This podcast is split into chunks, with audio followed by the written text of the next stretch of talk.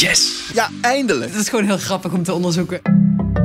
Zei die dat? Dat was echt heel raar. Ja, dat klinkt geweldig, maar kun je het ook aantonen? Dit is Speurwerk. Wij brengen je de hoogtepunten van Investico's nieuwste publicaties en laten zien hoe journalisten te werk gaan. Ik ben Simone Peek. En ik ben Sylvana van den Braak.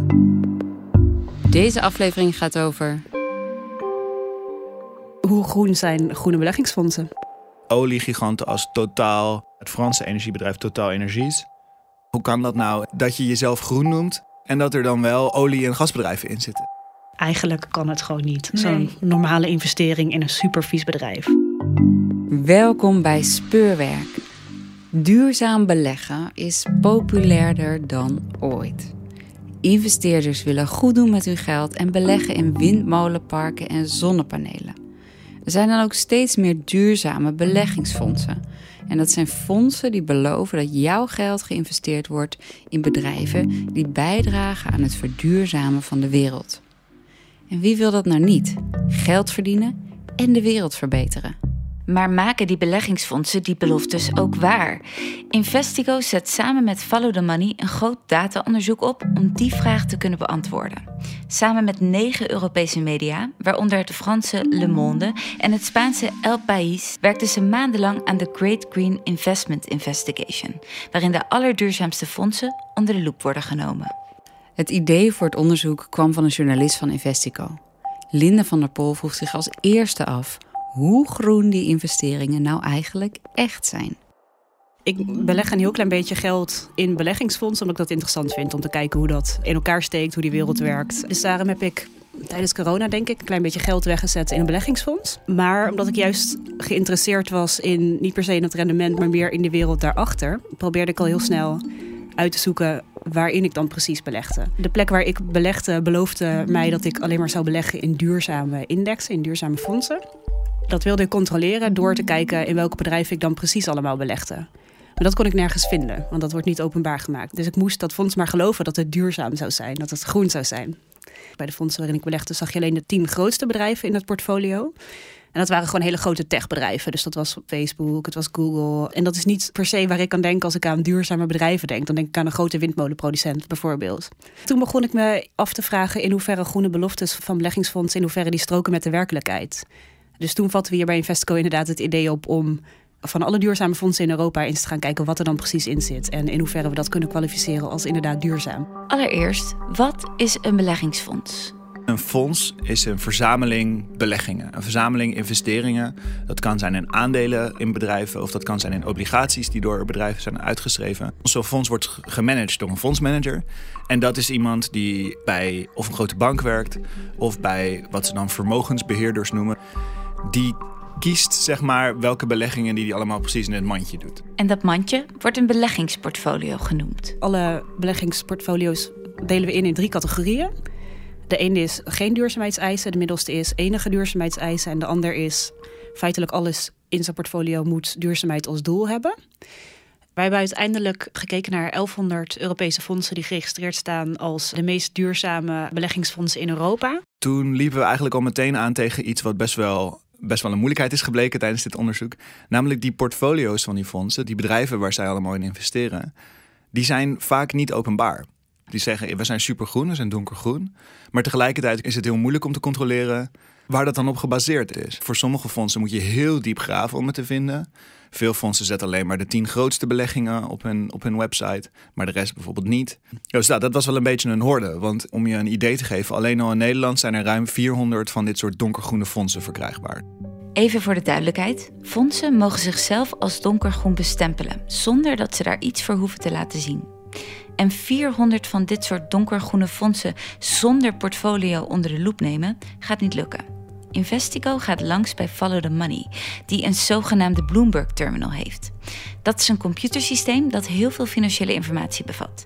Misschien kunnen de portfolio's daarmee worden achterhaald. En toen ben ik samen met Remy Koens, hun datajournalist, samen gaan zitten om te kijken of dat kon. Nou, dat bleek nog een hele tour te zijn. Maar het is wel gelukt om zoveel mogelijk portfolio's van die fondsen uiteindelijk uit die Bloomberg Terminal te trekken. Maar dan komt het volgende probleem op een pad. Hoe ga je naar die fondsen kijken en, en hoe bepaal je of iets aan een duurzaamheidseis voldoet of niet? omdat duurzaamheid zo breed gedefinieerd is. Er zijn bijvoorbeeld heel veel discussies, ook in de financiële industrie, of een investering in zeg een bedrijf als Google. Is niet per se een, een vies bedrijf. Tegelijkertijd ook niet per se een groen bedrijf. Niet een bedrijf wat uh, zonnepanelen maakt, bij wijze van spreken. We dachten dat dat misschien wel eens een discussie zou kunnen gaan zijn die onderliggend zou zijn aan dit verhaal. Maar eenmaal door de database scrollend bleek dat minder lastig dan gedacht. Toen we naar die portfolio's gingen kijken, bleek eigenlijk heel snel dat er zat op heel veel plekken fossiele brandstoffen tussen. Investeringen in bedrijven als PP, de grote Britse oliegigant, Totaal, Frans oliebedrijf. Dat zette ons wel aan het denken. Misschien is het nog wel wat erger dan we dachten eigenlijk. Ja, als je het dan toch voor zo op je scherm uh, zwart op wit ziet staan, denk je toch wel van ja, hoe kan dat nou? Dat je jezelf groen noemt en dat er dan wel olie- en gasbedrijven in zitten een van de problemen is dat we de hele tijd over duurzaamheid hebben. En dat is een begrip dat je op zo ontzettend veel verschillende manieren kan opvatten. Maar het ligt vooral aan vage wet en regelgeving. Duurzame fondsen moeten alleen een sociaal of milieudoel nastreven en mogen op geen enkele manier significante schade toebrengen aan andere duurzame doelen de onderliggende regels over wat dan precies do no significant harm is en wat dan precies duurzaam is, die onderliggende regels die zijn er nog niet. Dus er zijn allerlei discussies die je kan voeren of staalbedrijven, datasteels, groen bedrijf of niet, moeilijke vraag. Uh, cementbedrijven, chemische bedrijven. Linda en Emiel besluiten daarom zelf een duidelijke grens te trekken tijdens hun onderzoek. Wij hebben een echt een absolute onderdrempel gehanteerd hier. Dus wij hebben eigenlijk gekeken naar wat is nou eigenlijk het foutste dat je zou kunnen vinden in het meest groene fonds van Europa. En we hebben gezegd, wat we in ieder geval niet duurzaam vinden, dat zijn investeringen in fossiele bedrijven en investeringen in luchtvaart. Dat kan je niet als groen identificeren. Dat zeggen experts ook. Alleen ja, dan is de volgende vraag: hoe vind je die? Honderden Excel-sheets met tienduizenden beleggingen stuk voor stuk nalopen is geen optie om beleggingen in fossiel en luchtvaart op te sporen. Investeringen die Linda en Emiel vanaf dit moment in het onderzoek als grijs bestempelen. Gelukkig stuiten ze op de Duitse NGO Urgerwald. Dat is een club die eigenlijk onderzoek doet naar het financiële deel van de fossiele wereld. En zij hebben lijsten van alle bedrijven die zij identificeren, die van fossiele brandstoffen hun verdienmodel hebben gemaakt. Dus dat was fijn, want dat konden we vervolgens dus naast die lijsten die wij hadden leggen. Als die overeenkomen, dan hebben we een fossiel bedrijf te pakken. En daar kwam een schokkende onthulling uit voort. Uit ons onderzoek bleek dat de helft van die fondsen nog steeds belegt in fossiele bedrijven. En niet zomaar fossiele bedrijven, maar fossiele bedrijven zonder exit-strategie. Dus fossiele bedrijven die er nog niet zijn op, op toegerust zijn om die fossiele sector te verlaten. Poeh, dat varieert echt van oliegiganten als Totaal, het Italiaanse energiebedrijf Enel, het Franse energiebedrijf Total Energies. Het is zeg maar de Franse versie van Shell. Maar ook kleinere oliebedrijven, Portugees oliebedrijf, wat vooral uit heel diep water olie wint in de Democratische Republiek Congo en Angola. Ryanair, EasyJet, Saudi Aramco, het uh, Saudische staatsoliebedrijf. Ja, dat had ik echt niet per se zien aankomen. We zagen in, uh, in verschillende beleggingsfondsen zagen we echt de grootste olie- en gasproducenten uh, ter wereld. Eigenlijk kan het gewoon niet. Normale investering in een supervies bedrijf. In Europa gaat het totaal om 8 miljard aan grijze beleggingen. En dat zijn dan inderdaad beleggingen in bedrijven als uh, ExxonMobil, Total Energies. Uh, maar ook luchtvaartmaatschappijen zoals uh, Lufthansa. Ik scroll er nu doorheen. Ja, dan zie je ook wel interessante investeringen voorbij komen. Er zit een chemiebedrijf uit Xinjiang, West-China, waar de Oeigoerse minderheid wordt onderdrukt, zit erin, in een donkergroen fonds. Een bedrijf wat heel veel kolen gebruikt en in uh, een regio opereert waar minderheden onderdrukt worden. We zagen ook Novatek, een Russisch gasbedrijf. De eigenaar daarvan is Kennedy Timchenko, gesanctioneerde Russische oligarch. Sommige Nederlandse beleggingsfondsen komen er slecht uit. Actiam is een Nederlandse fondsbelegger. Alle producten die zij aanbieden, die zijn donkergroen. Althans, dat zeggen zij zelf. Actiam is een vrij groot fonds dat al 30 jaar bezig is met rendement maken, natuurlijk voor de belegger, maar ze willen tegelijkertijd ook impact maken en toewerken naar een duurzame uh, wereld. Maar juist bij die fondsen van de Actiam zien wij dat zij nog ontzettend veel ook investeren inderdaad in de fossiele energie. Wat zegt dit over deze markt? Het zegt in eerste instantie, denk ik, dat greenwashing, zoals het wordt genoemd, springlevend is. Greenwashing is je activiteiten groener voordoen dan ze zijn. Waar het vaak op neerkomt is niks anders doen dan je eerder deed, maar wel zeggen dat je supergroen bent. Is het een marketingtruc? Ja, het is een marketingtruc. Daar kan je niet, niks anders over zeggen. Het zal toch ook vaak gebeuren dat mensen kijken van... oh, er staat duurzaam in de titel, dan zal het wel duurzaam zijn. Daar zal wel iemand naar hebben gekeken. Dus eh, ik ga dat doen. En ja, sommige mensen zeggen de consument moet meer onderzoek doen. Ik ben zelf van mening dat de consument beschermd moet worden tegen greenwashing. Maar dit betekent niet dat de andere helft van de fondsen wel duurzaam zijn. Emiel legt uit dat dit maar een fractie van het probleem is. We kijken hier maar vanuit één kant naar. Dus als een fonds geen grijze investeringen bevat, dan wil ik niet zeggen dat het een groen fonds is. Want bedrijven die we vaak voorzien komen, ja, het zijn allerlei farmabedrijven, techbedrijven, Louis Vuitton. Ja, ik weet ook niet precies waar de grens ligt. Dat is waarom we de grens in dit stuk heel erg laag hebben gelegd. Ik heb ook wel eens met een beetje pijn in mijn hart naar die data zitten kijken. Dat ik denk van ja, bijvoorbeeld Tata Steel. Om maar een voorbeeld te noemen. Ik bedoel, je kan ook argumenteren dat Tata Steel misschien wel de groenste staalproducent van de wereld is. Maar dan kom je weer op zo'nzelfde discussie uit. Van ja, er komt superveel CO2 vrij bij het maken van staal en van cement en van allerlei chemische processen. Dat hebben we allemaal niet eens meegenomen, weet je wel. En zijn deze duurzaamste fondsen niet het topje van de ijsberg? Hoe zit het bijvoorbeeld met de lichtgroene fondsen? Daarvan moet het fonds als geheel een duurzame doelstelling hebben. En dat kan echt alles zijn. Ik vind die problematisch, want het, het geeft fondsen de mogelijkheid om overal sustainable en duurzaam boven te zetten, terwijl dat echt heel erg weinig betekent. En de beleggers dan? Veel die doen dat ook met het idee dat zij de wereld beter willen achterlaten, willen bijdragen aan de transitie, et cetera. En veel van hen realiseren zich helemaal niet dat zij hun geld wegzetten en vervolgens alsnog investeren in Shell of in ExxonMobil of in Total Energies. Het is eigenlijk zo triest hè, dat je dan bedenkt van dat mensen dus geld gaan steken bewust in die donkergroene fondsen. Omdat je dit wil, inderdaad. En dat dan alsnog je geld inderdaad naar grote fossiele spelers gaat. En op die manier wordt dat hele gedweep met duurzaamheid, het wordt gewoon een wassen neus. Ja, terwijl je er als belegger gewoon vanuit moet kunnen gaan dat als jij duurzaam belegt, dat het dan ook daadwerkelijk gebeurt. Linda en Emiel hebben gekeken naar de Nederlandse duurzaamste beleggingsfondsen, maar hebben een dataset van de duurzaamste fondsen van Europa.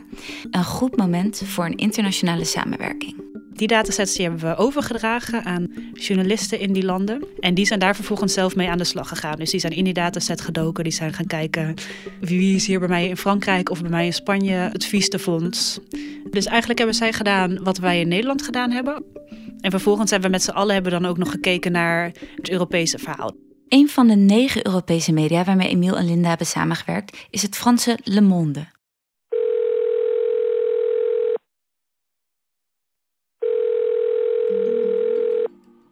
We bellen Adrien Senecat.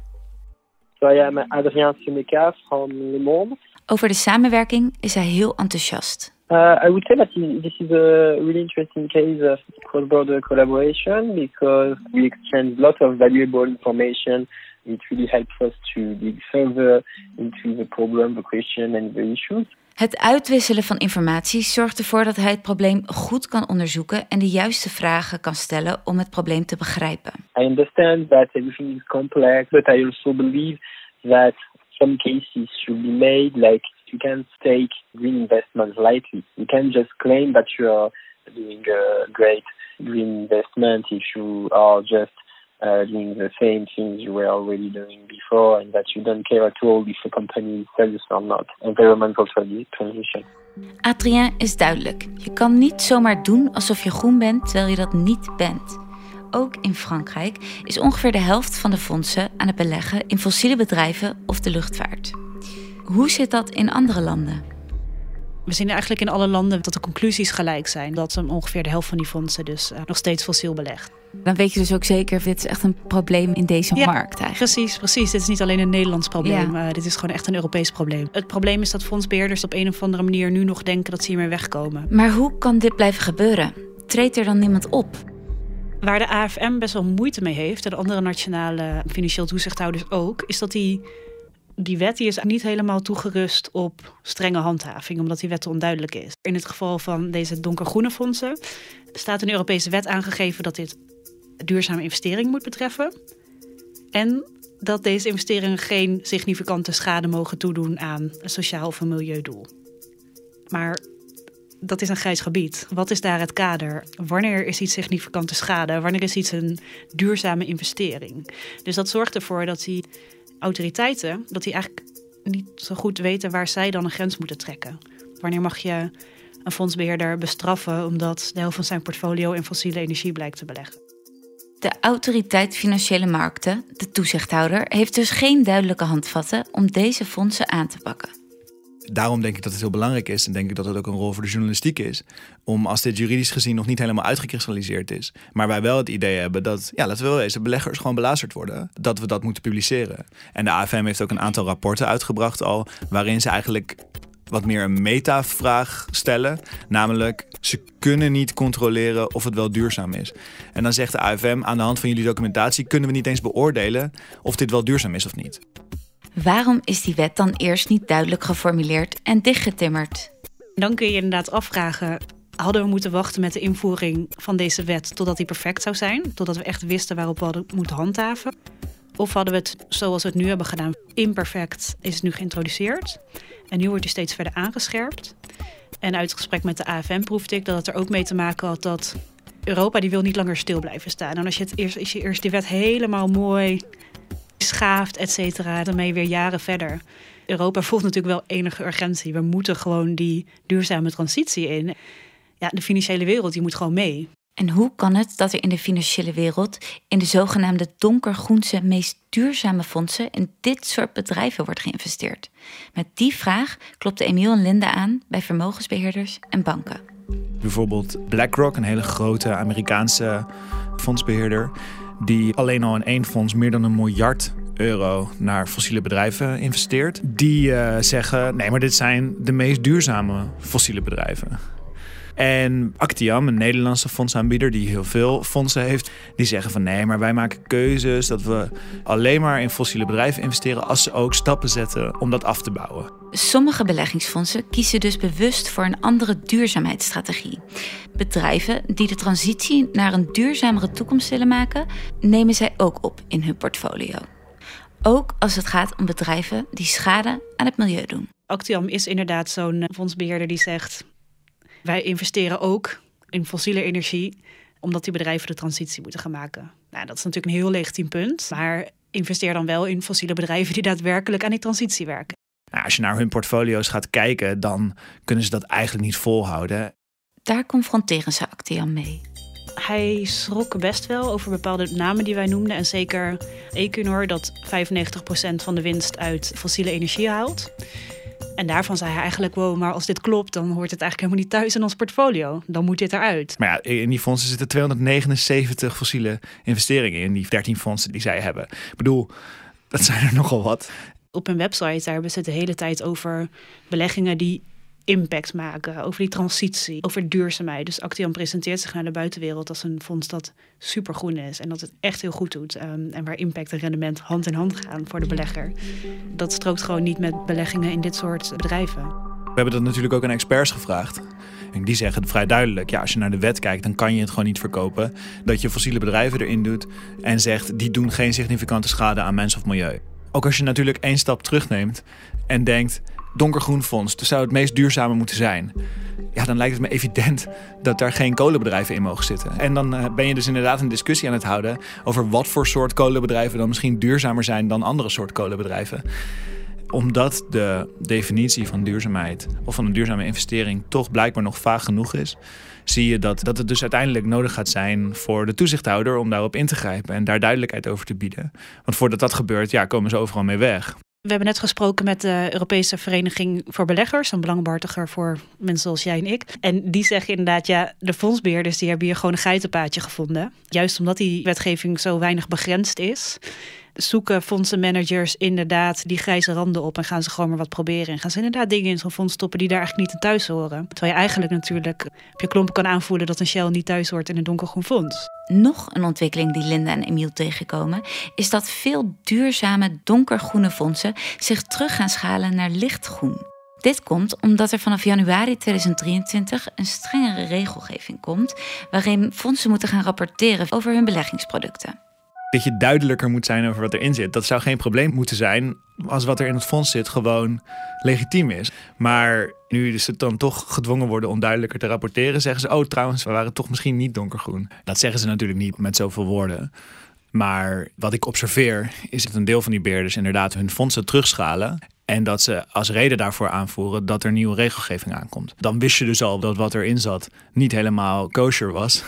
Maar pas als je, als je daar echt over moet gaan berichten, of als je bang bent dat je daar echt over moet gaan berichten, dan zeg je: Oh nee, sorry, het was toch niet, niet donkergroen. Wat het eigenlijk impliceert dat er afgelopen tijd gewoon veel donkergroene fondsen waren die helemaal niet als zodanig geregistreerd hadden moeten staan. Die hebben natuurlijk niks veranderd in hun portfolio. Ze hebben zich alleen gerealiseerd met terugwerkende kracht dat Shell dat dat geen groene bedrijven zijn, blijkbaar. Ik zou willen dat het anders was. Ga niet uit van hele mooie woorden als duurzaam, impact, betere wereld, transitie. Kijk verder dan het marketingpraatje dat zo'n beleggingsinstelling jou aanbiedt. Ga kijken naar, naar wat er gerapporteerd is en probeer ook in dat portfolio te komen. Zorg inderdaad zelf dat je precies weet waarin je belegt. Zoek dat uit. Dat er zoveel greenwashing voorkomt in de allerduurzaamste fonds van Europa, vindt Linda problematisch voor de hele beleggingsmarkt. Je kunt er als belegger cynisch van worden. Als je als belegger echt het beste voor hebt met deze wereld en wil dat jouw geld naar goede, duurzame, groene projecten gaan, dan kun je er niet van op aan dat je geld daadwerkelijk ook daar naartoe gaat. En ik denk dat dat vrij problematisch is. Dat we dan toch maar weer verzanden in een, nou ja, kan er toch niks aan doen, laat dan ook maar. Ik ga wel gewoon beleggen in, in grijze fondsen. Want, dus ik denk wel dat er snel veel meer duidelijk moet worden en dat er snel ook echt gehandhaafd moet worden, ook in Nederland. Het gaat hier natuurlijk ook over hoe de financiële wereld een bijdrage levert aan verduurzaming. Inderdaad, ja. En de Verenigde Naties die hebben net in aanloop naar de klimaattop in Egypte hebben ze net een rapport gepubliceerd. Waarin zij stellen dat het financiële systeem dat die radicaal moet veranderen omdat er in de financiële sector, dus bij verzekeraars, bij banken, bij pensioenfondsen, er gaat echt genoeg geld in om om die klimaatdoelen te realiseren. Maar het probleem is nu dat dat geld dat zij hebben, dat gaat niet naar duurzame beleggingen, maar dat gaat nog steeds vooral naar fossiele energie. En dat is waar we het hier uiteindelijk natuurlijk over hebben. We, hebben heel veel geld met z'n allen en dat moeten we nu echt gaan steken in die verduurzaming, in het halen van die klimaatdoelen. Dit was Speurwerk. Je luisterde naar de Great Green Investment Investigation en hoorde Linda van der Pol, Emiel Woutersen en Adrien Senecat. Via de database die Investico samen met Follow the Money heeft opgesteld, vonden de journalisten allerlei viezigheid in de allerduurzaamste fondsen. In veel gevallen blijken die namelijk helemaal niet zo duurzaam te zijn. De helft van Europa's meest duurzame beleggingsfondsen belegt nog altijd in kolenbedrijven, olie- en gasgiganten en in de luchtvaartsector. Deze fondsen, vaak van bekende aanbieders zoals BlackRock en BNP Paribas, steken in totaal 8,5 miljard euro in fossiele bedrijven. En dat terwijl hun hele portfolio volgens Europese regelgeving duurzaam moet zijn. Nationale en Europese toezichthouders controleren tot nu toe echter nauwelijks of fondsen wel zo groen zijn als dat ze zeggen. Beleggers die met hun spaargeld denken bij te dragen aan een duurzame toekomst, investeren zo, zonder het te weten, in bedrijven zoals Shell, Total Energies en EasyJet.